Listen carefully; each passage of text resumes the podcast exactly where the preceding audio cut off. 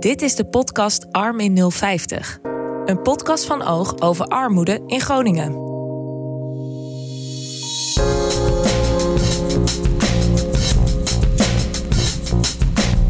Welkom bij deze achtste aflevering van Arm in 050. Uh, mijn naam is Chris Bakker en ik ben uw gastheer. Uh, bij mij aan tafel zitten Christine Roos, Christian Schoonbergen en Nick Everts. Uh, zouden jullie jezelf even voor willen stellen? ik ben Christian Schonenberg. Ik ben student theologie, ik ben filosoof en ik ben kunstenaar. En uh, ik heb uh, de afgelopen maanden exposure in Bijhem gedaan. Oké. Okay. Ik ben uh, Nick Everts, ik ben theoloog geestelijk verzorger en 29 jaar. En de afgelopen periode heb ik in de buurt Oosterparkwijk als een exposure gelopen. Oké. Okay. Mijn naam is Christine Roos, ik ben een arbeidstherapeut. En ik heb jarenlang in als uh, ontwikkelingswerker voor, uh, uh, voor vrouwen in Namibië gewerkt. Empowerment van vrouwen. Ik ben 58 jaar en ik ben bezig. Ik heb gelopen in de Wei het Noord. Dat was mijn verkennisgebied. Oké. Ja, uh, ja, als ik het goed heb begrepen, hebben jullie uh, elk ongeveer een half jaar, vier uur per week rondgelopen in een wijk in Groningen. ja, hoe zijn jullie erop gekomen om dat te gaan doen? Ik werd benaderd uh, door de iemand uh, die mij een mailtje stuurde en zei: Christine, ik heb iets, is echt iets voor jou. Ehm, ga daar en daarheen. en toen ben ik dus op gesprek geweest bij de PKN ehm, predikant Evert Jan Veldman. En eigenlijk ging dat toen heel snel. En hoorde ik al binnen een, anderhalf, twee weken dat ze me graag op wou nemen in het programma. Oké. Ja, en uh, voor mij geldt dat ik zag een project voorbij komen en ik dacht van nou, ik merk dat, dat mijn vrienden en, en mijn kennissenkring, dat zijn allemaal mensen die het best goed hebben. Uh, maar ik heb een nieuwsgierigheid juist naar mensen die anders leven, anders leven dan ik. Uh, en, en ik zag hierin een kans om mezelf te ontwikkelen om dichter bij zulke soort mensen te komen. Oké. Okay. Ja, ik werd ook benaderd door Evert-Jan. Um, ik heb vanuit de opleiding ook al wat ervaring met exposure. En ik denk dat dat ook een van de redenen was dat hij mij benaderde. En ja, ik vind exposure een heel spannende methode. Dus ik wilde daar graag langere tijd, uh, ja, dat langere tijd gaan uitproberen, zeg maar. Oké. En met wat voor verwachtingen zijn jullie hieraan uh, begonnen? Wat verwachten jullie van dit uh, project? Ik had eigenlijk heel weinig verwachtingen. Tenminste, ik had dus iets van ervaring met exposure. Uh, dus ik wist wel een beetje wat het inhield, maar niet meer dan drie dagen uh, van rondlopen in een wijk. En dat was in Rotterdam, dus het was een iets grotere stad. Nu was het één wijk. Um, ja, ik wist het eigenlijk niet zo goed. Ik weet niet hoe dat bij jullie was. Ja, dat is ook misschien wel het lastig aan, aan exposure als methode. Is het ook juist gericht om zonder verwachtingen rond te lopen. Dus als je wordt gevraagd voor zo'n project, dan weet je wel iets van de richting, maar eigenlijk is die vaagheid aan het begin, dat is ook functioneel. Je, je wordt niet van tevoren met een heel programma die wijk ingestuurd, maar uh, gaandeweg ga je ontdekken wat die methode betekent. Ja, ik was eigenlijk heel nieuwsgierig toen we begonnen. Er waren dus eigenlijk geen verwachtingen. Dat, dat ken ik niet. Ik werk eigenlijk altijd toch een heel strak termijn van dit moet er gebeuren in zo'n tijd. Dit was uh, plotseling iets wat helemaal open was. Heel dichtbij.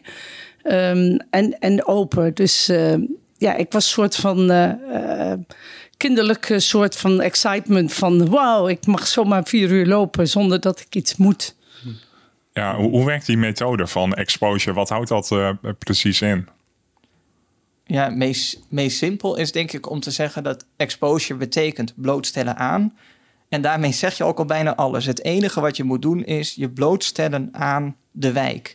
En dat betekent dat je de wijk niet gaat benaderen vanuit dit is mijn idee, dit is mijn plan, ik moet van A naar B.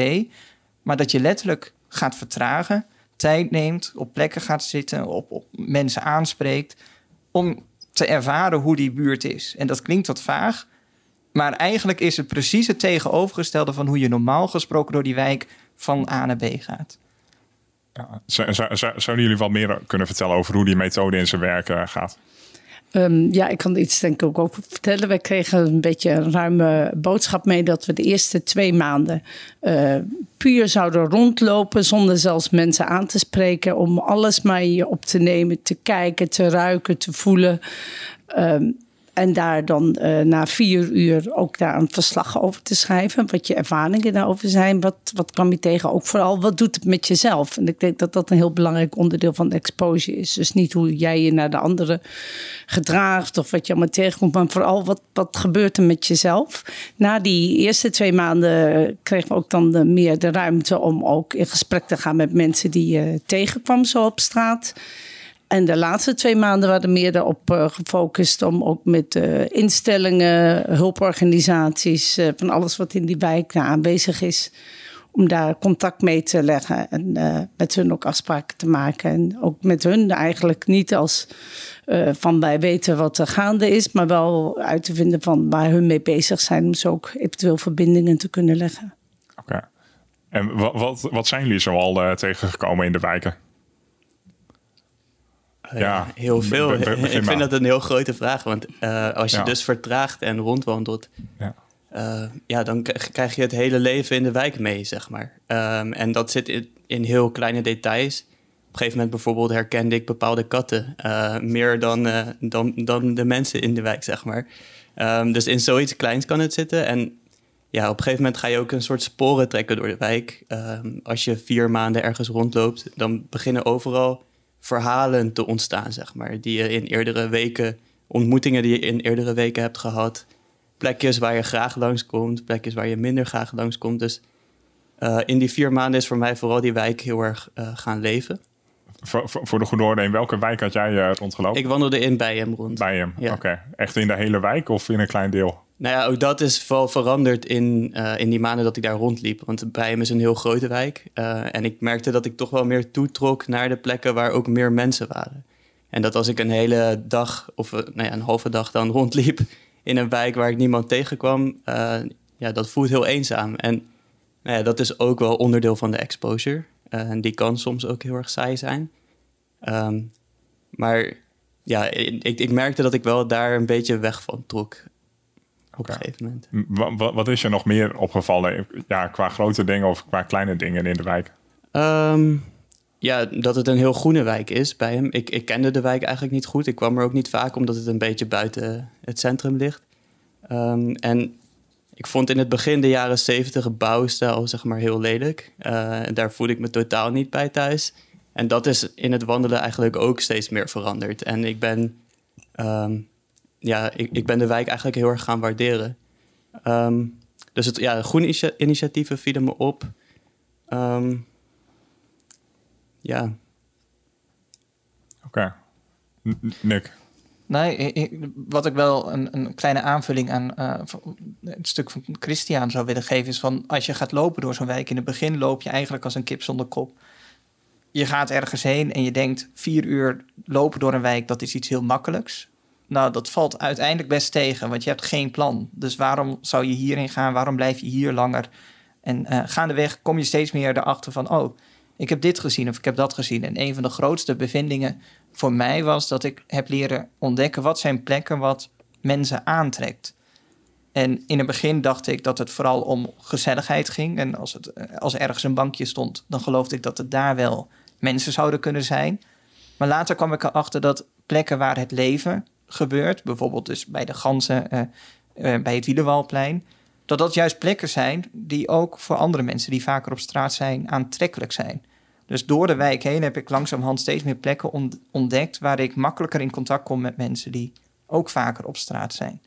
Waar komt dat dan door? Dat het op die ene plek wel is, dat er meer mensen komen en op de andere plek minder? Uh, het heeft te maken met, denk ik, dat als ergens iets van levendigheid is, iets te zien is, stel je voor je hebt geen werk, geen baan, je, je overnacht over, op, eh, op, straat, dan is het wel fijn dat als je ergens zit, dat je eh, een beetje anoniem kunt zitten. Dus het moet ook weer niet vol in het hele centrum misschien zijn, maar misschien net een klein beetje wat achteraf. Ja, en, en, en, en ik denk dat zulke soort elementen van dat je dus iets van leven nog ziet, dat dat, dat een prettigere plek kan zijn om even te hangen of, of je terug te trekken ja, wat ik in Bijhem ook wel veel heb gezien, is dat er, dat er dus wel dat er veel groepjes mensen samenkwamen.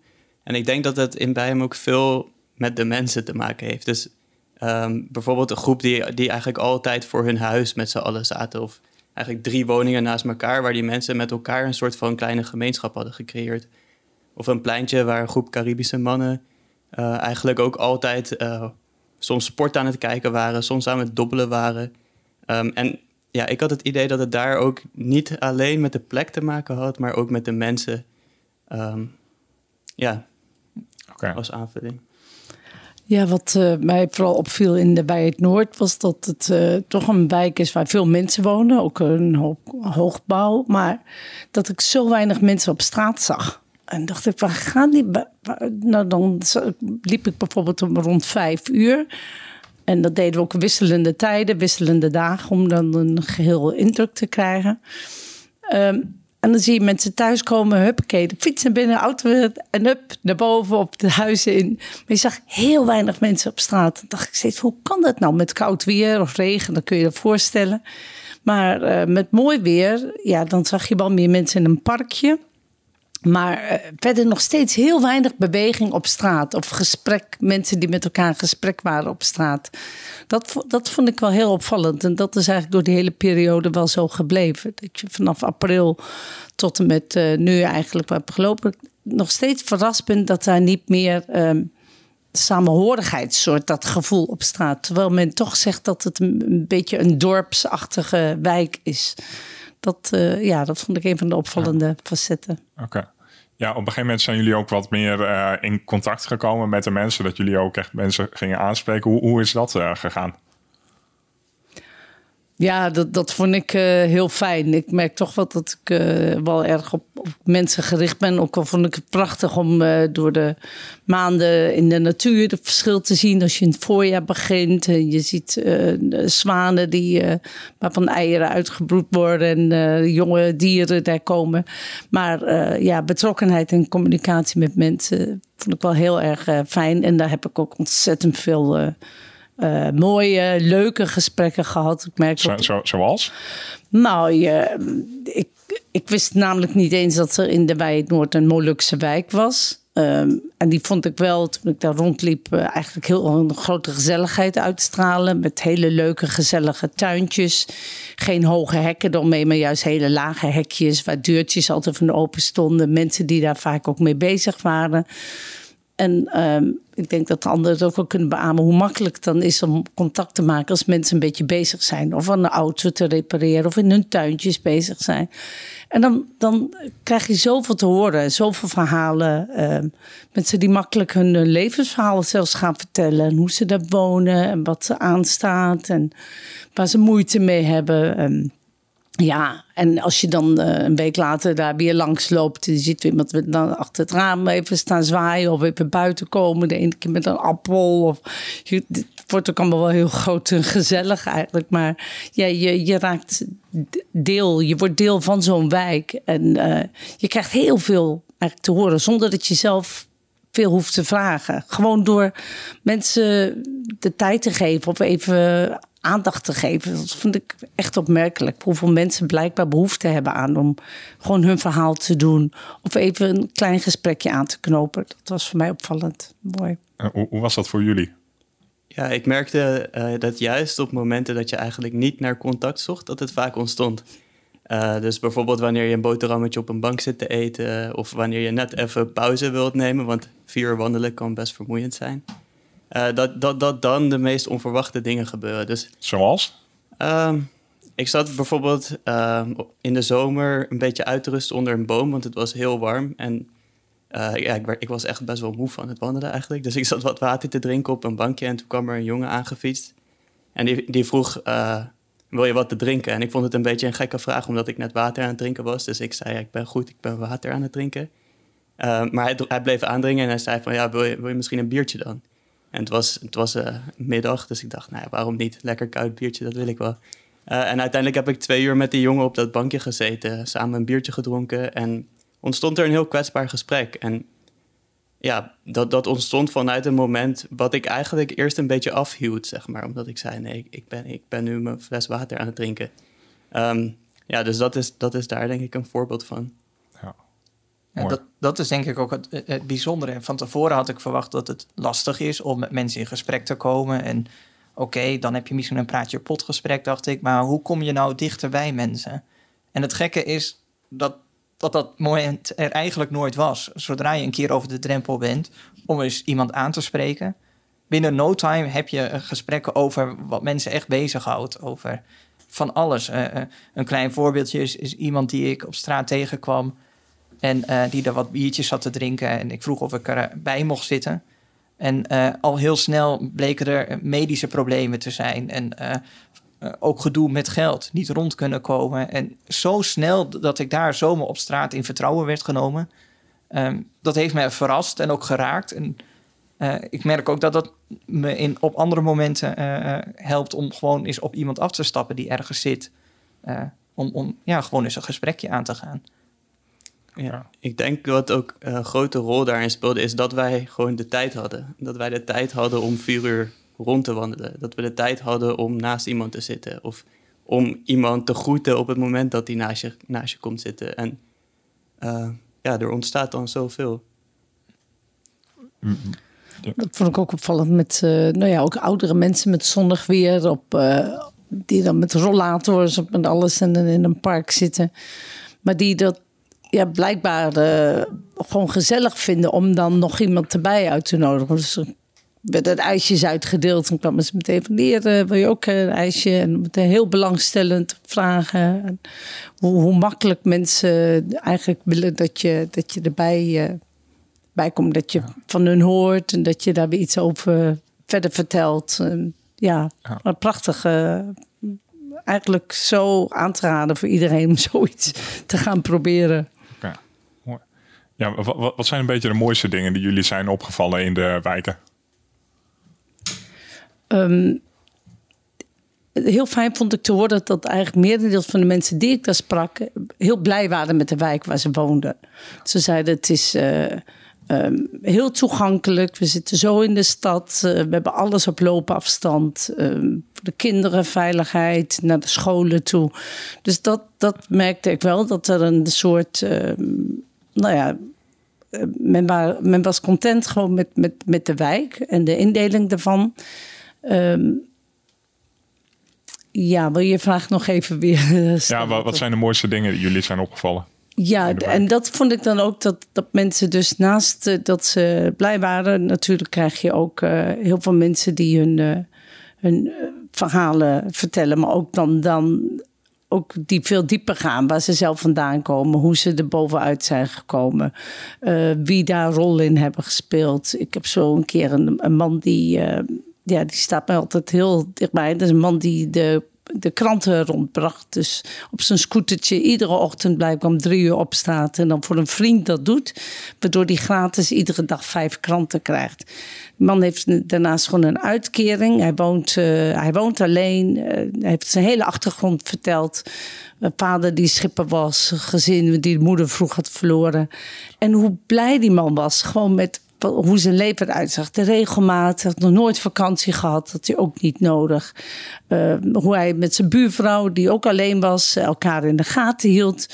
Um, als ze ziek waren of iets anders, of de een kon geen boodschappen doen. Hoe hij af en toe zijn aanbieding was, even een extra bloemkooltje bij haar neerlegde. Nou, en dat sprak zoveel gewoon respect en, en uh, blijdschap uit die man. Ik dacht van, tjee, wat een een leven, dacht ik eerst. Je zou toch zo moeten leven. En vervolgens dacht ik, wat een... Die man heeft eigenlijk alles. Hij is zo content, hij is, uh, hij is gezond, hij heeft alles wat hij zo nodig heeft. Een petrolkacheltje waar hij zijn soep op kookt. Maar gewoon blij met wat ik denk vaak van ja, als ik zo zou moeten leven, zou ik dat kunnen. En dan, daarnaast zou ik daarmee dan tevreden zijn.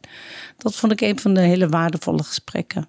Ter, ter, terwijl die, die man, als je dan uh, als je dan kijkt naar de, de definitie van, van armoede die, die er is, dat heeft dan een bepaalde inkomensgrens.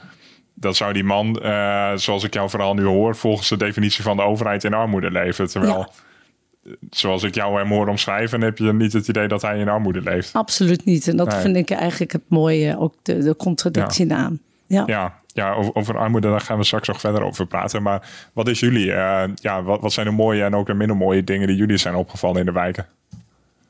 Ja, denk, Eerst mooie dingen. Ja, nou ja, de, de mooie dingen denk ik dat dat vooral samenhangt met dat je mensen hebt leren kennen en dat dat gaandeweg, dat je niet alleen uh, hun verhalen gebruikt. Of eh, hoe zeg je dat? Maar dat er echt een soort van vriendschap ontstaat. Eh, ik ik kom, kwam geregeld langs de boten van eh, India, de bed, bad en broodboten. En eh, nou, daar zag ik vaak ook mensen buiten zitten. En op een gegeven moment heb ik toch de stap gezet om ze eens aan te spreken. En het waren zulke gezellige middagen. De hele middag liep zo voorbij en dan zat je daar gewoon gezellig eh, met elkaar eh, eh, te kletsen. En ook over diepere dingen. En ja, dat waren ook minder mooie kanten. Maar als je dan later door de wijk heen fietst of loopt en je wordt herkend door zo iemand en oh, hey, heb je tijd voor een kopje koffie? Nou ja, dat zijn zulke dierbare momenten. Ja, dat neem je denk ik wel voor altijd mee. Ehm, ja, ik was eh, vooral onder de indruk van één eh, tuininitiatief in Bijhem, de Torteltuin, ehm, opgezet door Tanja. Ehm, en met dat stukje tuin wist zij een hele straat met elkaar te verbinden. Jong, oud, wit en zwart kwamen allemaal in die, in die tuin. De kinderen die noemden zichzelf de bodyguards van de tuin. Ze speelden daar tikkertje. En ja, ik was bij de opening daar en ik, ik vond dat ontzettend mooi om te zien eh, hoe zij met zo'n zo'n groen initiatief, zeg maar, een, eh, een straat bij elkaar bracht. En ik had sowieso in die straat goede contacten met mensen. Ik, ehm, ja, als je rondloopt, met, zeg maar, terwijl je exposure doet, ehm, kan het misschien een beetje voelen alsof je dus zelf een soort van zorg ook probeert te dragen naar de wijk toe. Ehm, maar dat, dat, dat werd ook af en toe omgedraaid. Dus bijvoorbeeld mensen in die straat die wisten dat ik op zoek was naar een woning. Ehm, en die kwamen mij dan aanspreken en zeiden van misschien moet je die en die bellen. Eh, misschien, misschien heeft hij nog een woning voor je. Eh, en dat was iets wat ik echt niet, eh, niet had verwacht. Dus dat, dat het ook om zou draaien, zeg maar. Dus dat ik echt zorg van de wijk voor mij voelde. Is het gelukt? Heb je inmiddels een woning? Ja, maar niet in Bijen. Ah, nee, ja, ik had, ik, had, ik had iets anders al gevonden. Maar ehm, ja, ik vond dat een heel mooi moment. Ehm, en verder, het leger des Heils vond ik eigenlijk ook een heel mooie plek... waar ik normaal gesproken nooit naar binnen zou lopen. Maar omdat ik nu eh, ja, eh, exposure deed... dacht ik op een gegeven moment, laat ik hier ook eens naar binnen gaan. En eh, ja, ik- ja, ik vond het mooi wat daar gebeurde.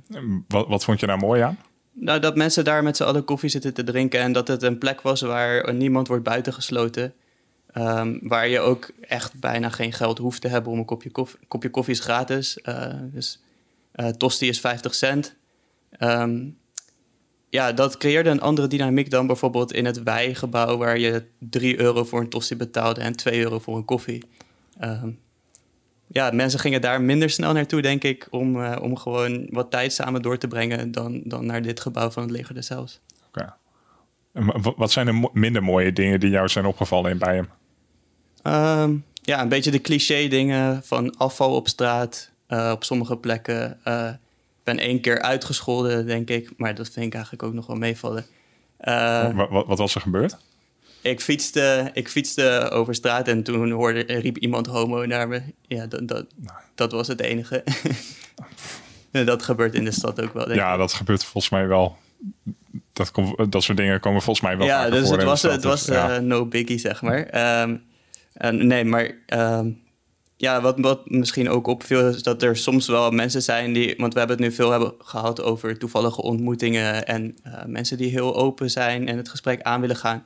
Maar het tegenovergestelde was natuurlijk ook het geval... dat er ook veel gesloten mensen zijn... en die je niet aankijken op het moment dat je langsloopt. En ehm, ja, ik denk dat dat misschien een van de minder mooie dingen is, maar dat dat ook niet specifiek voor bij hem is. Ehm, en ja, wat, wat, je wel, wat ik wel leerde door exposure is dat een, een wijk uit zoveel verschillende verhalen bestaat. Omdat juist omdat je van een aantal mensen die, die levensverhalen zo specifiek hoort, eh, begon ik beter te beseffen dat, dat achter elk raam zeg maar zo'n zo'n verhaal, verhaal schuil gaat. En dus ook die, bij die gesloten mensen eh, ja, ook al lukte daar het gesprek dan misschien niet mee, het riep bij mij wel een soort van nieuwsgierigheid op naar, naar dat leven, zeg maar. Oké.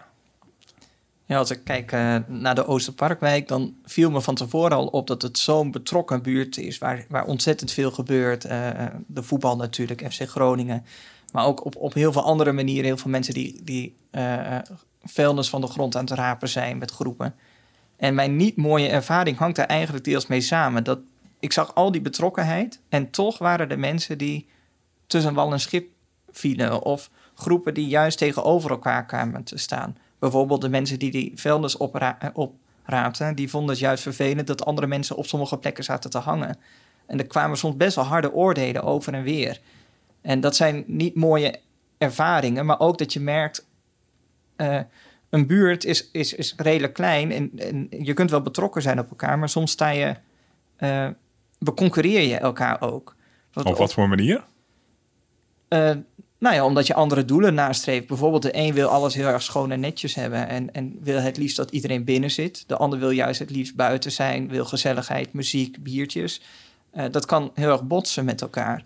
Uh, maar ook qua wonen in, in de Oosterparkwijk en ik denk bij andere buurten dat het ook zo is. Valt heel erg op dat je, je hebt de mensen die er al langer wonen. Maar je hebt ook de nieuwbouw die steeds verder oprukt en uh, vaak heel mooi is. Maar ook in een prijsklasse die de oorspronkelijke mensen niet kunnen, kunnen betalen. Um, in mijn buurt zat een betonbos uh, wat misschien weg moet. Uh, daar zie je dus spanningen ontstaan tussen verschillende groepen die met elkaar in die buurt willen wonen. En nou ja, dat, dat is best lastig om soms met elkaar te rijmen. Hoe, hoe, hoe de ene, ene straat het ontzettend goed heeft financieel en de andere, buurt, de andere straat totaal niet. Ja, ja dat schuurt wel. Wat, wat, is jou opgevallen? Ja, dat, dat uh, viel mij dus ook op. Vooral als ik de Wei het Noord uh, bekijk, uh, vergelijk met de Wei het Zuid. En dat bijvoorbeeld de bermen, hoe de bermen onderhouden worden. En daar sprak ik ook wat mensen over. En die zeiden, ja, hier blijft gewoon alles, alle onkruid, alles blijft staan. Wij krijgen de, de oude stoeptegels van de, de Wei het Zuid. Die worden bij ons geplaatst in de, in de ruimtes waar tegels nodig zijn. En uh, nou ja, dan spreek je met de mensen van de groenvoorziening. Die zeggen, ja, dat is een opdracht. Het is een nieuwe manier van bermen. Het moet allemaal natuurlijk zijn. Uh, maar ja, dan ga je naar de Bij het Zuid. En dat is een, straat, uh, één straat die dan een scheidingsstraat is. En dan zie je echt... Ja, die, de, de, die is van, van Ketwig. Ja, ja. ja. En dan zie je totaal tegenovergesteld. Maar daar ook de bermen denk ik, ja, dat is toch een landelijk beleid over bermen. Maar die zagen er toch totaal anders uit als, uh, als de natuurlijke bermen in, uh, in Noord. Waar ook veel uh, afval dan tussen lag. En dat is ook logisch, lijkt me. Als er toch al als er allemaal brandnetels staan. En nou ja, dan gooi je er ook gauw weer wat tussen als dat het wat netter eruit ziet. Dus dat gaf ook schuring. Dat hoorde je bij de mensen ook in, uh, in Noord. Die zeiden, ja, hier wordt uh, veel minder aandacht gegeven. Ze hebben een kleine voetbalkooi, bijvoorbeeld uh, in, in Noord. Terwijl er een enorme grote sportcomplexen in, in Zuid staan. We hebben ze ook wel een mooie nieuwe sport, nieuwe school en nieuwe sportzaal in, in Wijk Noord gekregen. Maar die is niet toegankelijk voor, voor iedereen om te gaan sporten. Dus daar zit duidelijk een, een tweedeling in. En waar, waar, zie je die tweedeling uh, nog meer in? Ook, uh, dat, dat hoorde ik, dat zag ik ook wel als je jongeren bij elkaar ziet. Dan zie je zelden uh, een gemengde groep van jongeren. Dat blijkt dus wel heel erg dat, dat jongeren met een andere achtergrond... ook bij zo'n voetbalkooi, als je daar langskomt, dan zijn het op gewoon zwarte jongens die met elkaar aan het voetballen zijn of bezig zijn. Of je ziet een andere groep uh, met iets een andere achtergrond. Maar je ziet zelden dat, dat jongens van dezelfde leeftijd, gewoon de, de witte, de zwarte, alles door elkaar heen. Dat komt weinig voor. Dat, dat viel mij in het begin op en dat heb ik ook wel gevraagd. En dat gaven ze bij het wijkteam ook aan als een, uh, eigenlijk een heel groot probleem. De tweedeling in de, in de wijk. En dat is dus ontzettend jammer dat zoiets dus gewoon zo op kleur wordt uh, neergezet.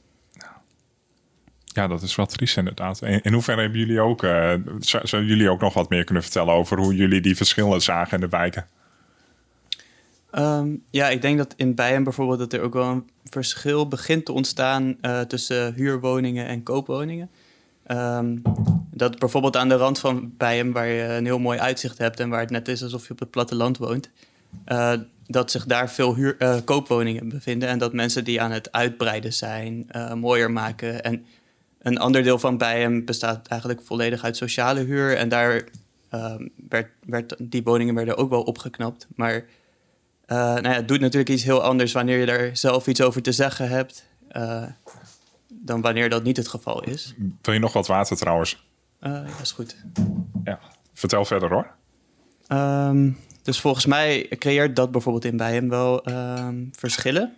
Wat jij vertelde over wit en zwart eh, herken ik niet heel erg vanuit bij hem. Maar misschien ook juist omdat ik vooral jongeren ben tegengekomen bij, eh, bij die torteltuin waar ik net over vertelde. En waar de mensen in de straat zich daar juist heel erg om bekommerden, denk ik. Dat dat, eh, dat, dat wel met elkaar in verbinding staat. Volgens mij dreunde het heel erg door toen ik eh, de waterkan weer, eh, weer op tafel zette. maar nee, Nick, zou jij er nog wat meer over kunnen vertellen waar je die verschillen in eh, zag? Nou, wat, wat, wat ik heel pijnlijk vond om te, te constateren... is dat er heel veel mensen ook gewoon op straat slapen. En eh, ook vaak in auto's. zijn misschien ietsjes dichterbij? Ja, Eh, maar vertel verder. Nou, ja, wat ik pijnlijk vond om eh, te signaleren is dat er heel veel mensen ook op straat slapen en ook in auto's. Eh langzamerhand begon ik ook te herkennen van nou, als ik een auto zag staan eh, op een bepaalde plek een beetje terug en eh, er lag een matras in of je zag wat rotzooi rondom die auto, dan kon dat wel eens een auto zijn waar iemand in, in woonde. En dat kan dan gebeuren op, nou, zeg 50 meter afstand van een, een heel nieuw appartementencomplex in een hele dure prijsklasse of een studentenhotel. Eh, ik ben mensen tegengekomen, internationale studenten, die op straat sliepen omdat ze geen plek konden vinden in Groningen. Dat is een bekend probleem. Eh, nou, iedereen kan erover lezen. En eh, toen ik dat nieuwsbericht ook las, dacht ik wel, oh wat sneu. Maar als je dan de volgende dag die mensen echt op straat tegenkomt. En tegelijk zie je iemand anders mopperen omdat hij geen nieuwe auto krijgt. Of, hè, dat is zo lastig bij elkaar te brengen. Dat, ja, dat, dat heeft me wel heel erg geraakt dat in, in zo'n kleine stad als, als Groningen... dat die verschillen al zo enorm kunnen zijn. Ben, ben je dan ook in gesprek gegaan met die mensen die dan eh, in, in die auto's sliepen? Eh, met sommigen. Ja, Ja. eh, ik, ik heb een keer een gesprek gehad met iemand die ook, ook duidelijk wat psychiatrische problematiek had. Niet dat ik dat interpreteerde, maar dat gaf hij zelf aan. Maar gewoon belangstelling hebben voor zo iemand, dat, dat opent al zo'n gesprek weer. Maar het is niet voor te stellen bijna dat, dat er in Nederland, waar we zoveel dingen hebben geregeld, dat er dus mensen in een auto slapen. En als je dus dan in gesprek komt, dan kom je erachter, oh ja, je slaapt niet alleen in de auto, maar je sanitaire behoeftes, eh, daar moet je dus over nadenken. Waar, hoe, wat. Eh, douchen, eh, toilet. Hoe kom je de dag door? Pure verveling. Dat, is, nou ja, dat raakt je wel als je iemand in de ogen kijkt die ergens een keer een verkeerde afslag heeft genomen en, ja, en, en zich gewoon kapot verveelt en, en in een auto slaapt. Ja. Ja, triest. Ja, ben, ben je ook bij die daklozen? Op, ik, ik woon zelf ook in de Oosterparkwijk, eh op de hoek van de Damse Diep en de Zaagmuldersweg. En ik kijk ook uit op de daklozenopvang. Ben je daar ook wel eens eh, binnen geweest? Nou, ik ben bewust eh, wat terughoudend geweest om, om alle organisaties te bezoeken. Ja. Dus ja, ik heb een aantal plekken wel bezocht. Deze toevallig niet. Maar er gebeurt zo ontzettend veel. Eh, eh, in de Oosterparkwijk is denk ik van de vijf wijken die eh, meededen in dit programma... de grootste wijk. Dus als ik Ja, vier uur heb en ik wil van de ene uiterste naar het andere uiterste komen... en ik ontmoet op straat ook nog mensen... dan moet ik nog bijna hollen om weer om ja binnen die precies. tijd terug te komen. Dus vandaar. Precies. Ja. Ja, on- onze podcast gaat over armoede. Ja, in het algemene zin eh, over, over wat jullie is opgevallen in de wijken, daarover hebben we straks wel over. Maar wat is armoede volgens jullie in algemene zin? Ja, ik zie armoede als je eh, niet in staat bent om eigenlijk je leven te leiden zoals je dat zo graag in, in, in basisprincipes zou, zou willen leiden. En vooral denk ik ouders met kinderen die hun kinderen niet kunnen bieden wat, eh, eh, waardoor kinderen dus buitengesloten worden of waar ze zelf ook door buitengesloten worden. Ja, ik, ik, ik, ik voel ook wel wat mee met deze manier van armoede definiëren. Dus het gaat me niet in de eerste plaats om van... nou, heb je zoveel geld of zoveel geld? Dat, dat speelt zeker mee. Maar eh, eh, wat voor mij armoede echt is... is dat, je, dat sommige mensen hebben minder kansen, minder mogelijkheden... omdat ze een eh, niet zo groot sterk sociaal netwerk hebben... omdat ze minder vaardigheden hebben, omdat ze... Nou ja, noem het maar op, maar je kunt op verschillende manieren beperkt zijn in je mogelijkheden. En dat zou ik armoede noemen. Beperkt zijn in je mogelijkheden. Ja, daar ben ik het ook mee eens. Eh, dus een gebrek aan agency, zeg maar. dat je zelf, wat jij zei, dat je zelf kan kiezen hoe je je leven vorm wilt geven. En dat je afhankelijk bent van, uh, van systemen misschien ook die, die je op een bepaalde manier kunnen betuttelen. Um, en nou ja, waar je ook heel veel tijd aan kwijt kan zijn. Um, ja, en ik denk, uh, ja, ik, ik denk ook dat geld een belangrijke rol speelt in armoede, maar niet het hele verhaal is. Uh, en dat dat ook iets is wat ik wel heel veel heb gezien in Bijem. Dat er enorme creativiteit is en veerkracht van mensen. Um, het verhaal wat jij net vertelde over de postbezorger. Um, ja, ja, zou je daar wat meer over kunnen vertellen? En hoe, hoe, hoe zag je armoede in, in Bijem? Ja, ik vond dat dus eigenlijk heel lastig om echt te zien. En ik denk dat veel armoede achter de voordeur uh, blijft. En dat misschien de echte armoede, zeg maar, wat ik net zei over gesloten mensen die niet het gesprek aan willen gaan. Dat dat misschien wel um, ook met armoede op een bepaalde manier te maken heeft, omdat het dan moeilijk is om je open te stellen en uh, om kwetsbaar te kunnen zijn. En eigenlijk in alles wat ik heb gezien en alle ontmoetingen die ik met mensen heb gehad, was die kwetsbaarheid er juist wel en kwam er een heel, uh, een heel leven mee, zeg maar. En dan vind ik het heel moeilijk om te zeggen: oh ja, dat is armoede. Uh, dus op het moment dat je iemands levensverhaal hoort en dat, dat, ja, dat iemand is uh, een volledig mens, zeg maar. En dan kan je het niet meer terugbrengen tot armoede. Uh, dat is denk ik. Ja, ik heb, ik heb vooral problemen gehad met het vinden van armoede op een bepaalde manier. Problemen mee gehad? Ja, ja in de zin van, want het was ook wel een klein beetje onze opdracht om nou ja, dat het project heeft iets met armoede te maken. Dus in het begin stuurde dat ook wel hoe ik uh, door de wijk wandelde en waar ik naar keek. Maar ik merkte eigenlijk hoe meer ik rondliep, hoe moeilijker ik dat vond. En het eigenlijk steeds minder duidelijk werd wat armoede nou precies is. Ja, um, ja. Juist ook door dit soort verhalen van mensen. Uh, en en, en om, om juist vormen van samenhorigheid van mensen te zien. En mensen die elkaar ondersteunen, ja, dat is ook super grote rijkdom. Um, een, een vrouw uh, in diezelfde straat vertelde me dat zij vroeger uh, oppaste op kinderen uit een rijke wijk. Maar dat ze altijd met haar mee wilde naar Bijem, omdat, omdat, omdat ze daar veel beter konden spelen, omdat ze het daar veel gezelliger vonden. Um, dus ja, ondanks het feit dat Bijem een arme wijk is, is het wel een wijk waar, ja, waar veel leven is. Um, en ik denk dat dat in sommige rijke wijken misschien juist weer kan ontbreken. Ja, misschien, misschien is het wel ook goed om, om te zeggen: kijk, wij, ons project richtte zich bewust op deze vijf wijken, omdat die volgens de norm uh, uh, behoren tot uh, de armste buurten van Groningen. Wat waren voor de helderheid ook alweer even de, de twee andere wijken die je nu niet. de Hoogte en Zelwert. Ja. ja. Dus de Hoogte, Zelwert, de Weijer Noord, Bijem en de Oosterparkwijk. Ja. En we begonnen dus wel heel erg met een, een idee van: oh, dit zou armoede kunnen zijn, zo zou je het kunnen zien of zou, zou je het kunnen herkennen.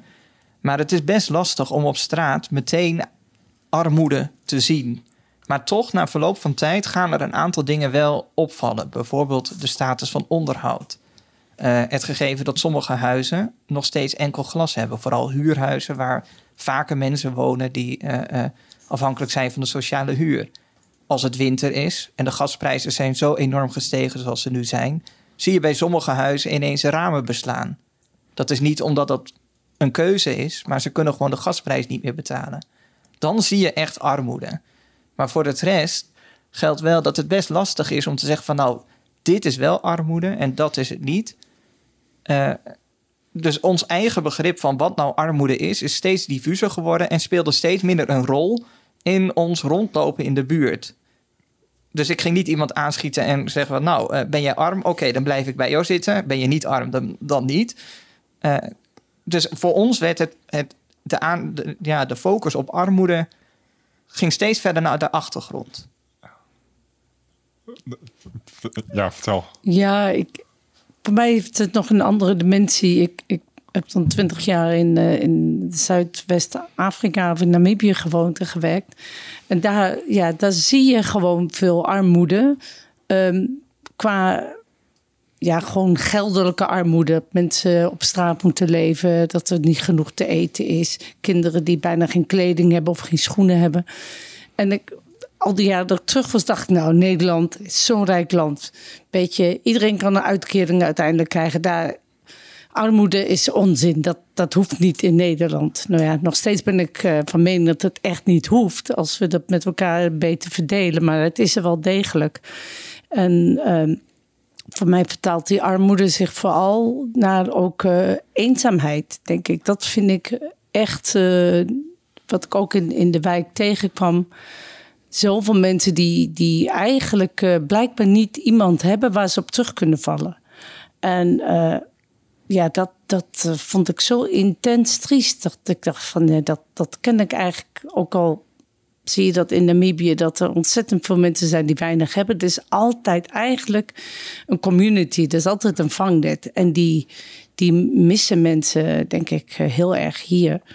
En ook hoe ja, die eenzaamheid vertaalt zich misschien of ook de armoede weer in, uh, in huiselijk geweld. Maar daar wel. Uh, uh, nou, dat zie je niet zo gauw op straat gebeuren, maar dat weet je wel. En dat, dat zie je wel. Ik heb ook een keer een vrouw dus op de stoep gezien... die net uh, met een heel groot blauw oog... die uh, net kort daarvoor door haar man was geslagen... en ja, helemaal in zak en as zat met twee kleine Zo. kinderen. Maar ja, dat, dat vind ik echt armoede, ja. Ja, ik, ik heb zelf in, in 2014 een half jaar uh, stage gelopen in Suriname. Bij, bij het dagblad. En mijn, mijn baas die nam me ook... Elke week gingen we ook een, een avond gewoon met de auto door, door Paramaribo heen rijden. en nou ja, dat merk je ook wel in de, in de rijke wijken. die allemaal betaald worden met drugsgeld en dat soort dingen. Nou, daar zag je echt muren, echt kassen van huizen... met muren van drie meter hoog met prikkeldraad eroverheen echt uh, gigantisch bepanserde, dure auto's en, zo. En zo. Maar letterlijk niemand op straat. En, en als we dan door die arme wijken rond gingen, rond gingen rijden, nou, dan zie je echt ontzettend veel mensen op straat. allemaal, allemaal van die groepjes, heel veel leverigheid, mensen die op straat rondlopen. Ehm, maar ja, de huizen daar in die arme wijken, dat stelt echt niks voor. Dat zijn een paar autopalen naast elkaar met, met vijf verschillende soorten spaanplaten er, erbij. Dus ja, dat valt wel op. En, en dan ook eens zo'n wijk die, ik denk ongeveer zo groot is als een bloemenbuurt. Dus ja, niet, niet klein, maar die het dan moet doen met één watertappunt. Voor de, voor de hele buurt. Nou ja, dat, dat soort dingen. Uh, ja, dat zag, je, dat zag je ook in Afrika. Maar valt wel op wat voor verschillen je daarin ziet, inderdaad. Ja. Maar ik denk, ik denk dat als je vanuit zo'n internationale blik, vanuit armoede, kijkt in Nederland of in Groningen dat je sommige dingen die je verwacht bij armoede niet meteen herkent.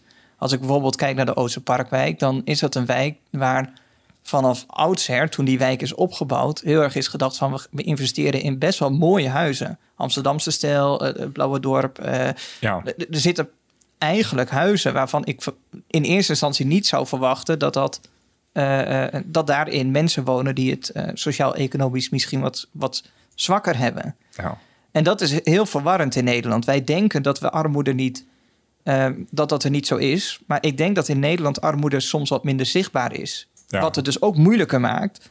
Uh, en je kunt makkelijker zeggen van nou oké, daar is een sloppenwijk, daar moet ik zijn. Maar als je door de Oosterparkwijk heen loopt op het eerste gezicht, ziet het er best prima uit. En bijna iedereen heeft gewoon een tv. En uh, mensen zien er over het algemeen redelijk fatsoenlijk gekleed uit. Ja. Maar dat zegt niet alles. Nee, dat, is ook wat jij net zei, Christian, dat het uh, voor, vooral achter de voordeur uh, zich plaatsvindt. Ja, maar hoe, hoe, hoe, was dat dan voor jullie om daar toch proberen wat, wat meer zicht op uh, te krijgen? Ja, dat vind ik wel heel mooi. Daardoor moet je dus ook anders gaan, niet alleen kijken, maar ook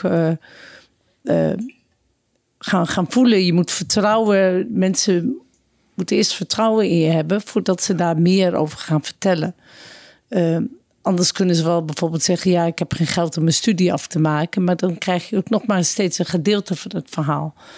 En zo merk je wel dat uh, dus heel veel mensen, ook jeugd, moeite hebben om een studiefinanciering rond te krijgen. Vooral mensen ook met een buitenlandse achtergrond, die niet precies weten welke documenten ze daarvoor nodig hebben, wat ze nog allemaal daarbij moeten hebben. Die, die geven dat op. Die gaan dan soms wel naar een bijteam om daar hulp voor te vragen. Maar ja, dat zijn ook mensen die vaak een ehm, beperkt aantal uren hebben um, in de coronatijd helemaal. Dat, dat moeten we niet vergeten, dat wij onze periode daar um, eigenlijk nog niet eens helemaal een, een goed algemeen beeld hebben gekregen. Doordat heel veel uh, organisaties gesloten waren of met minimale uh, bezettingen gewerkt hebben. Maar dat, dat hoorde ik wel veel bij jonge mensen, dat ze niet doorkwamen qua studie. Um, informatie die ze daarvoor nodig hadden. En vooral van volwassen mensen die, nou, die problemen hadden ook met betalingen, be bewindvoering over geld. Uh, mensen die ook zaten met een uh, huurkosten, anderen weer met uh, zoeken naar een andere woning, vaak door echtscheiding of dat er huiselijk geweld was geweest en dat ze een andere plek zochten en dat dat ook niet snel ging. En ja, dat kreeg ik wel, wel mee, maar dan moet je wel. Soms komt het in één gesprek naar voren. Soms heb je meerdere gesprekken met mensen nodig om ze nog weer eens even te ontmoeten even daar langs te gaan. En dan, uh, dan komen die verhalen wel. En dan kun je de verhalen ook beter in de context plaatsen. Als dat je eerst even hoort van we hebben geen geld voor een, nou ja, voor een auto of voor een studie. Het is wel nodig om, uh, om dan het hele verhaal, waardoor dat komt. En, uh, en dat is ook mooi, waardoor wij met organisaties in contact kunnen komen. En dat met hun te delen wat wij op straat zijn tegengekomen. Daar ligt natuurlijk nog een grote groot terrein uh, te winnen. Maar zover zijn we ook nog niet. Dat, dat is wel mooi van de verbinding, vind ik. Okay. Misschien is dat ook wel. Wat, wat het soms heel lastig maakt, is dat iemand in een, lastige, in een situatie zit waarin hij een uitkering nodig heeft of iets nodig heeft. Maar soms gewoon niet weet hoe diegene bij het juiste loketje komt. En ook niet, en dat maakt het voor mij zo lastig, voor, ook niet het sociale netwerk heeft ook niet iemand heeft die hen daar goed bij kan helpen. Wij hebben gigantisch veel regelingen in Nederland. Maar je moet er maar net verstand van hebben. Je moet bij het juiste vakje zijn. Je moet het op de juiste manier aanvragen. Je moet correct schrijven. Uh, je moet al een computer hebben. Uh, en als je dat dus niet hebt. en dat is me echt, echt opgevallen door dit project. Als je, dat, als je dat niet hebt, als je niet goed je weg weet, dan beland je soms in armoede. Terwijl dat niet eens had gehoeven. Of dat het misschien minder zwaar had hoeven zijn. En dat is zo raar. En als je dan dus beseft dat in coronatijd de, uh, het merendeel van de hulporganisaties heel makkelijk heeft gezegd van wij werken vanuit huis en het loket is gesloten. Dan zijn zelfs de bekende loketten zijn, zijn niet meer bereikbaar. Nou, en dat is best wel lastig. Ik snap best dat iedereen voor zichzelf aan zijn veiligheid wil denken. Maar je hebt ook een verantwoordelijkheid naar, naar, de, naar de samenleving. Ook naar de mensen die dus niet makkelijk een e-mailtje sturen. Die niet meteen op internet een weg vinden. Ja, en dat is denk ik voor ons in ons project uh, uh, extra pijnlijk geweest om te ontdekken dat wij in alle tijd dat ik op straat liep nauwelijks hulpverleners heb gezien. Die zaten veilig thuis te zoomen. Zouden jullie daar wat meer over kunnen vertellen? Ja. Uh, nou, ik, ik weet dat ik ben het helemaal met Nick eh, eens. Dat heb ik ook gezien. Ik heb het ook van de mensen zo gehoord. En de mensen zelf, bijvoorbeeld in de wijteams, hebben ook wel aangegeven dat ze zich, uh, um, ja, dat ze zich daar soms heel schuldig over voelden. Uh, maar vervolgens ook iemand die ook in de jeugdwerk zat, die zei van ja, uh, we, we, kunnen ook niet meer bij elkaar komen in een chillroom met die jongeren, want dat mag niet meer. En dan vraag ik volgens, ja, maar wat, wat doe je dan als dat niet meer kan? Dat lijkt me dan dat je dan altijd allerlei alternatieven gaat zoeken om toch met uh, op straat, uh, op veilige plekken elkaar te ontmoeten. En dan zie je toch dat een soort angst, of ook van bovenaf wordt gezegd dan uh, vanuit het kantoor van ja, we sluiten, we gaan nu over op Zoom-meetings dat dat dan gewoon aangenomen wordt van dit is nu de, de werkelijkheid en zo doen we dat. En dat er zo weinig out of the box thinking is om, om daar uh, echt uh, uh, je werk te kunnen blijven doen. Ik hoorde wel vervolgens van, van mensen die, die wel ook op kantoor kwamen, nou ja, bijna meer overwerkt waren, doordat er zoveel collega's uitvielen. Dus er zijn zeker wel heel veel mensen die ook heel graag willen, maar dan zoveel werk hebben Um, En ze zeiden ook hoe meer we doen, hoe, meer, hoe moeilijker worden de casussen die we krijgen. Omdat we het goed aanpakken. Waardoor we eigenlijk uh, al zeker weten dat we over een jaar zo totaal ondergesneeuwd zitten. En het ook niet meer trekken. En dat ze op die manier ook zien dat er veel uitval is. Juist van de beste krachten in zo'n bijteam. Dat vond ik, uh, ja, dat, dat vond ik wel eigenlijk een beetje beangstigend denk, ja, dan heb je hele goede mensen. En die, die, die nemen dan op een gegeven moment alles op zich. Ja, het is wel. Uh... En die voelden zich ook slecht erbij. Dat ze niet meer konden doen. En die eigenlijk ook wel bekenden dat ze geen tijd hadden om in hun wijk ook maar uh, te doen wat wij doen. We waren bijna een soort van: Oh, ben je daar ook geweest? Heb je dat ook gezien? Oh, ja, die, die, die kennen hun, hun wijk verder niet. Komen ze niet aan toe. Ja, ik herken dat wel een beetje, want tijdens een van mijn wandelingen liep ik toevallig binnen uh, op een bijeenkomst, uh, netwerkbijeenkomst van uh, hulpinstanties en ook kerken, denk ik, over armoede. Um, dus ik dacht, bingo, volgens mij zit ik op de juiste plek. Welke bijeenkomst was dat? ja, dat weet ik eerlijk gezegd ah, niet, want ik liep daar... Wanneer was dat? Um, in, ja, misschien ook, ook bij... In juni, denk ik. Ik weet het niet meer precies. Nou ja, maar, vertel verder. Um, dus ik, ik liep daar echt puur bij toeval binnen. En uh, er hing ja, een, heel typische netwerksfeer, zeg maar. Ik was ook, ik moet wel zeggen, ik was op het einde van de bijeenkomst liep ik binnen. Dus, dus de presentaties waren voorbij. Uh, maar ik probeerde wat gesprekken met mensen daar aan te knopen. En uh, toen ik daar weer wegwandelde, was ik zo blij dat dat, dat mijn werk was, zeg maar. Dat ik, dat ik gewoon door de wijk kon wandelen. En uh, toen had ik heel erg dat idee ook, wat jij zei. Uh, het zou ook voor heel veel hulpverleners zo goed zijn om op zo'n manier uh, één of twee uurtjes in de wijk gewoon al je plannen even naast je neer te leggen en uh, rond te lopen en open te staan voor de wijk. En, en nou ja, te zien wat zich dan aan jou aandient buiten de kaders waarmee jij de hele tijd naar de wijk kijkt om. Um, en ja, dus, dat, dat vond ik wel een mooie ervaring. Eh, ja, Nick, Nick, vertel. Heb jij nog wat aan te vullen? Nou, wat het mooie ook is, denk ik, als je mensen ontmoet, dat je ook uh, andere oplossingen gaat bedenken. Dan dat je vanuit je bureau alleen maar uh, dingen bedenkt. afgelopen kerst zijn er in Groningen 10.000 kerstpakketten uitgedeeld. prachtige actie zou je denken. En, en tot mijn verbazing kwamen er ook negatieve reacties. Uh, ja, want, gisteren stond er nog een heel kritisch opiniestuk in het Dagblad van de Noorden. Nou ja, die heb ik ook gelezen. Van, oh ja, dan wordt er dus door iemand bedacht van dat, dat zo'n pakket uit bepaalde dingen moet, moet bestaan. Uh, terwijl waar mensen eigenlijk behoefte aan hebben, is wat meer autonomie. Zelf kunnen kiezen van, nou, geef ze een paar bonnen of, of, of geef ze wat geld. En, en ze kunnen zelf een, een, een geweldig pakket samenstellen.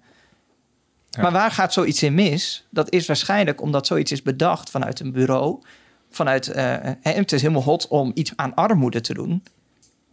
Maar ken je de mensen wel die armoede hebben? En als je ze zou kennen, zou je dan ook nog deze oplossing, zou je dan met deze actie aankomen? En dat is denk ik uh, de kracht van exposure als methode. Dat het degene die iets met armoede willen doen, helpt om hun eerste goed bedoelde oplossingen even te parkeren en te leren wat is werkelijk nodig. Waar hebben mensen echt behoefte aan? Ja, zou, zou, zouden jullie nog wat meer kunnen vertellen over waarin jullie merkten dat de, mensen die jullie gesproken hebben, uh, ja, moeite hebben met, met de overheid? Met hun weg te vinden in al dat gebeuren van de overheid? Nou, ik heb een, een heel mooi voorbeeld van, uh, uh, dat raakt ook aan, aan, aan armoede.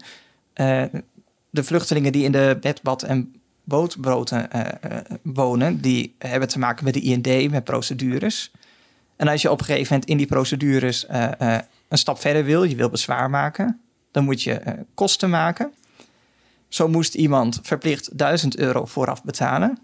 Maar deze persoon is door diezelfde IND verboden om te gaan werken. Krijgt een bijdrage van 70 euro per twee weken. En kan dus nooit op tijd uh, dat geldbedrag bij elkaar sparen. Zou die gaan zwart werken en wordt hij gepakt, wordt hij het land uitgezet. Nou, dat is dus iets waarvan ik denk wij, wij willen van alles zo regelen. We zijn zo bang dat er 1 euro verkeerd uh, terechtkomt. Uh, nou, dat is heel moeilijk om je voor te stellen dat dat in Nederland uh, op zo'n manier geregeld is. Waar, waar, hebben jullie het in gemerkt? Nou, ik denk even aan het verhaal ook in de wijk Noord, dus de wijk eh, die achter de ring zit, waar nu al eh, heel lang aan gewerkt wordt. En wat mij opviel, uh, was dat enorme lawaai. Constant daar, als je de wijk inkomt, denk van, oh, je zou er toch wonen, je zou er toch moeten werken.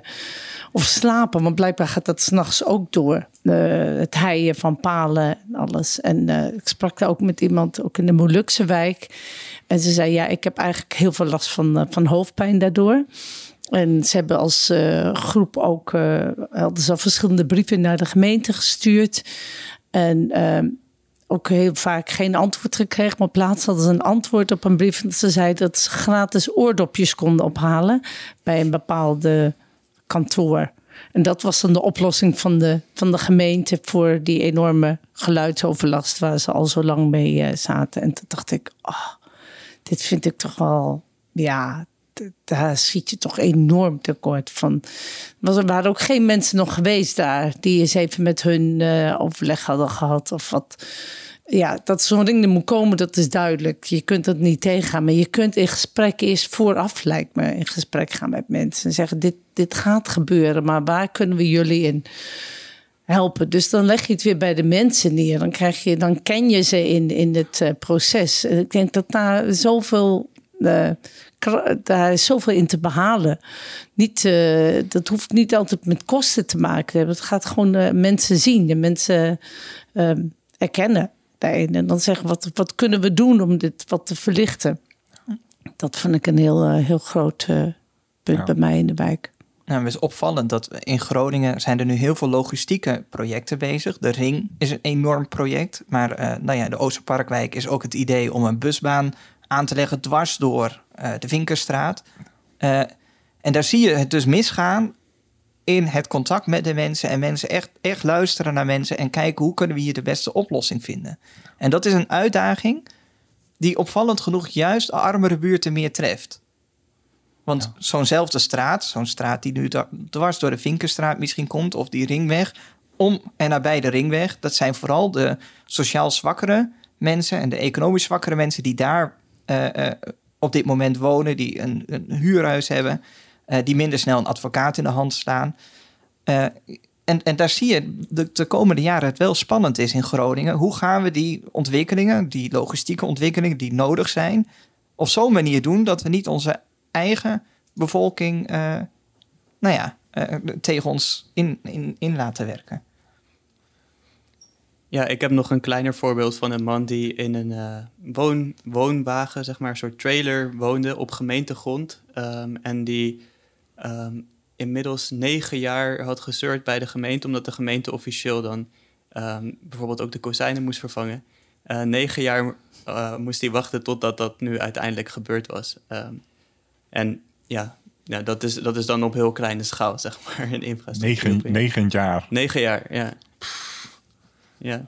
Dat tijd, joh. Ja, en nou ja, ja, het is misschien een beetje droevig om te bedenken dat het bijna normaal is dat de gemeente iemand die op een trailer, in een trailer woont, op een stukje gemeentegrond, dus nou ja, duidelijk niet als prioriteit ziet. Nou ja. en, en, waar zeggen jullie het in met, met de hulpverlening? Dat mensen moeite hadden met de, met de hulpverlening? Um, ja, ik moet zeggen, ik, ik ben dat niet heel erg tegengekomen. Ik heb um, nee, in, die zin weinig frustratie van mensen naar hulpverleners uh, uh, gehoord. En um, tegelijkertijd denk ik dat wij een deel van onze rol misschien ook wel een klein beetje hulpverlener was. In de zin van niet daadwerkelijke hulp verlenen, maar in ieder geval een luisterend oor zijn. En dat dat ook veel kan doen. Um, en ja, ja, ik, heb, ik heb een klein voorbeeld van iemand die uh, uh, ik af en toe op straat tegenkwam. En op een dag uh, zat deze, deze persoon heel erg voorovergebogen, heftige krampen. Bleek dat al een aantal weken daarmee rond te lopen. maar was bang om hulp te zoeken. Want dan zou je de eigen bijdrage van de zorg moeten betalen. Dus dat is dus iets wat je wel vaker over hoort. Maar als je dan iemand ontmoet die dus zorgmijding kiest voor zorgmijding uh, vanwege financiële redenen, dan kom je erachter ook hoe lastig dat is. Want deze persoon, als hij anderhalve week eerder was gegaan, was het een kleine medische ingreep. Op dit moment dat ik diegene aansprak, was het echt zo'n spoedsituatie. dat diegene met mijn hulp wel toch naar de eerste hulp is gegaan. maar dan zijn en de kosten hoger. Maar diegene durft niet die stap te zetten naar een ziekenhuis of naar een hulpverlener, omdat hij bang is voor uh, nou ja, de, de eigen bijdrage. Tja. Dat is wel heel schijnend ook, ja. Ja. Oh. Uh, wat ik uh, merkte is dat de kantoren van hulpverleners ook door, denk ik, gemeentelijke planning en zo vaak van de positie uh, veranderen. Dat is ook voor mensen heel, heel storend. Uh, zo heb ik gehoord, bijvoorbeeld dan het wijteam in, in uh, Noord, eh, die moeten weer gaan verhuizen. Dat wordt dan kleiner. Um, denk je, ja, mensen weten je nu te vinden. Het is mooi naast een multicultureel centrum, een speeltuin erbij. En dat, dat moet dan weer opgepakt worden. En dan ja, waar gaat het dan weer heen? Dan gaat het uh, naar de Corpus ten Hoorn, begreep ik. Um, ja, dat wordt voor de mensen uit de het Noord weer een, hele een extra stap om zich daar naartoe te bewegen. En dat is voor de, voor de mensen dus nadelig, maar dat hoorde ik ook van de hulpverleners die daar uh, moeite mee hadden. Zeiden ja, dan hoe lang duurt het dan weer voordat we goed gevonden worden? Ja, ja, jullie hebben dit project nu gedaan. Uh, ja, wat hebben jullie hier zelf aan overgehouden? Qua persoonlijke ontwikkeling. Nou, ik denk dat je in, in ieder geval door deze ervaringen anders gaat kijken. Dat je al weet dat armoede best wel een, een ingewikkeld concept is. Uh, ja. En dat was het al, maar gemakkelijke oplossingen als van nou, zo en zo moet je dat oplossen zonder dat je mensen hebt gesproken. Dat zal ik niet meer zo snel voorstaan. Dus dat is een, een, een echte verandering die ik zie uh, bij mezelf. En uh, ik zou heel veel mensen om mij heen ook zo'n ervaring gunnen om eens een keer, een periode, uh, een dagdeel van de week door de buurt te gaan. Of als je in een nieuwe buurt komt te wonen, waarom zou je niet af en toe eens een keer gewoon lekker buiten gaan zitten en eens kijken wat gebeurt er? Wie wonen er om me heen? Kan ik hier iets betekenen? Ja, ja, ja. ik denk voor mij het heeft me gevoeliger gemaakt. Uh, en het is, een, het is ook een oefening, denk ik, in, in gevoelig zijn voor je omgeving, voor de mensen die je tegenkomt. Maar dus ook gevoelig zijn uh, naar ja, wat jij voelt bij wat je ziet.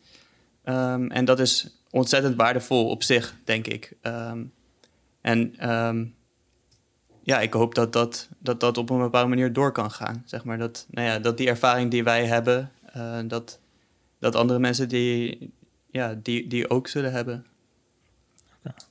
Ja, dat, daar ben ik het helemaal mee eens. En ik denk dat, dat wij uh, ook proberen nu, dus ook uh, binnen exposure te kijken, dat het als een soort sneeuwbaleffect kan gaan werken. Dat wat wij meegemaakt hebben, wat we allemaal toch heel uh, verrijkend hebben ervaren. En de gevoeligheid, wat je eigenlijk voor mensen uh, kan doen wat anderen voor jou kunnen betekenen. Hele, hele kleine dingen. Gewoon iemand die gegroet wordt, kan al heel verbaasd kijken dat hij aangesproken of gewoon gegroet wordt. Um, en dat vind ik mooi als dat gaat lukken om andere mensen warm te maken. Van, het, het kost bijna niets. Eh, je hoeft ook daarvoor dus inderdaad geen vier uur per week dat te doen. Je kunt ook een dat met minder doen, maar misschien jezelf te committeren om dit wel vol te houden voor een bepaalde tijd. En gewoon te kijken wat er, wat er gebeurt met jezelf, met je omgeving. Als je nog meer mensen daarvoor warm kunt maken, ja, dat kan, dat kan uh, volgens mij een, hele mooie impact uh, gaan krijgen. Oké. Ja, dat is wel een mooie afsluiting, denk ik. Uh, of hebben jullie nog wat toe te voegen? Nou, misschien is het wel leuk om te zeggen van het eerste stadium van dit project, uh, daar liepen wij zelf door die buurten. Ja. En nu is er een vervolg gekomen dat we tot en met uh, de zomer uh, gaan wij ieders van ons vier, vijf mensen meenemen op, op exposure. en meenemen bedoel ik niet van we gaan met z'n vijven achter elkaar door die wijk lopen. Maar wij bieden vier, vijf mensen aan om uh, onder onze begeleiding op, op verschillende tijden ook eens een keer te proeven aan deze methode. En uh, nou ja, voor de vijf verschillende wijken zoeken we nog mensen. Oké, okay. uh, oh, leuk. Dus stel ja, dat, dat, is leuk om te ja, melden. Dus stel dat een van de luisteraars zegt van... nou, dat ja. lijkt me ontzettend mooi om eens een keer... voor een, een, een, langere tijd, een aantal maanden zal het dus dan duren... hieraan te proeven. En, en nou ja, dan kunnen ze dat doen. Mooi. Ja, dat is leuk uh, om in het artikel uh, te vermelden, inderdaad. Ja. Oké, um, ja, dank jullie wel. Uh, ik dank mijn gasten. Ehm, ik dank de luisteraars. ja, bedankt voor het luisteren en tot de volgende keer. Leuk dat je luisterde naar de podcast Arm in 050. Dit onderzoeksproject wordt mede mogelijk gemaakt door het Stimuleringsfonds voor de Journalistiek en de provincie Groningen. Wil je meer weten over het armoedeproject van Oog? Kijk dan eens op armin050.nl. Tot de volgende aflevering.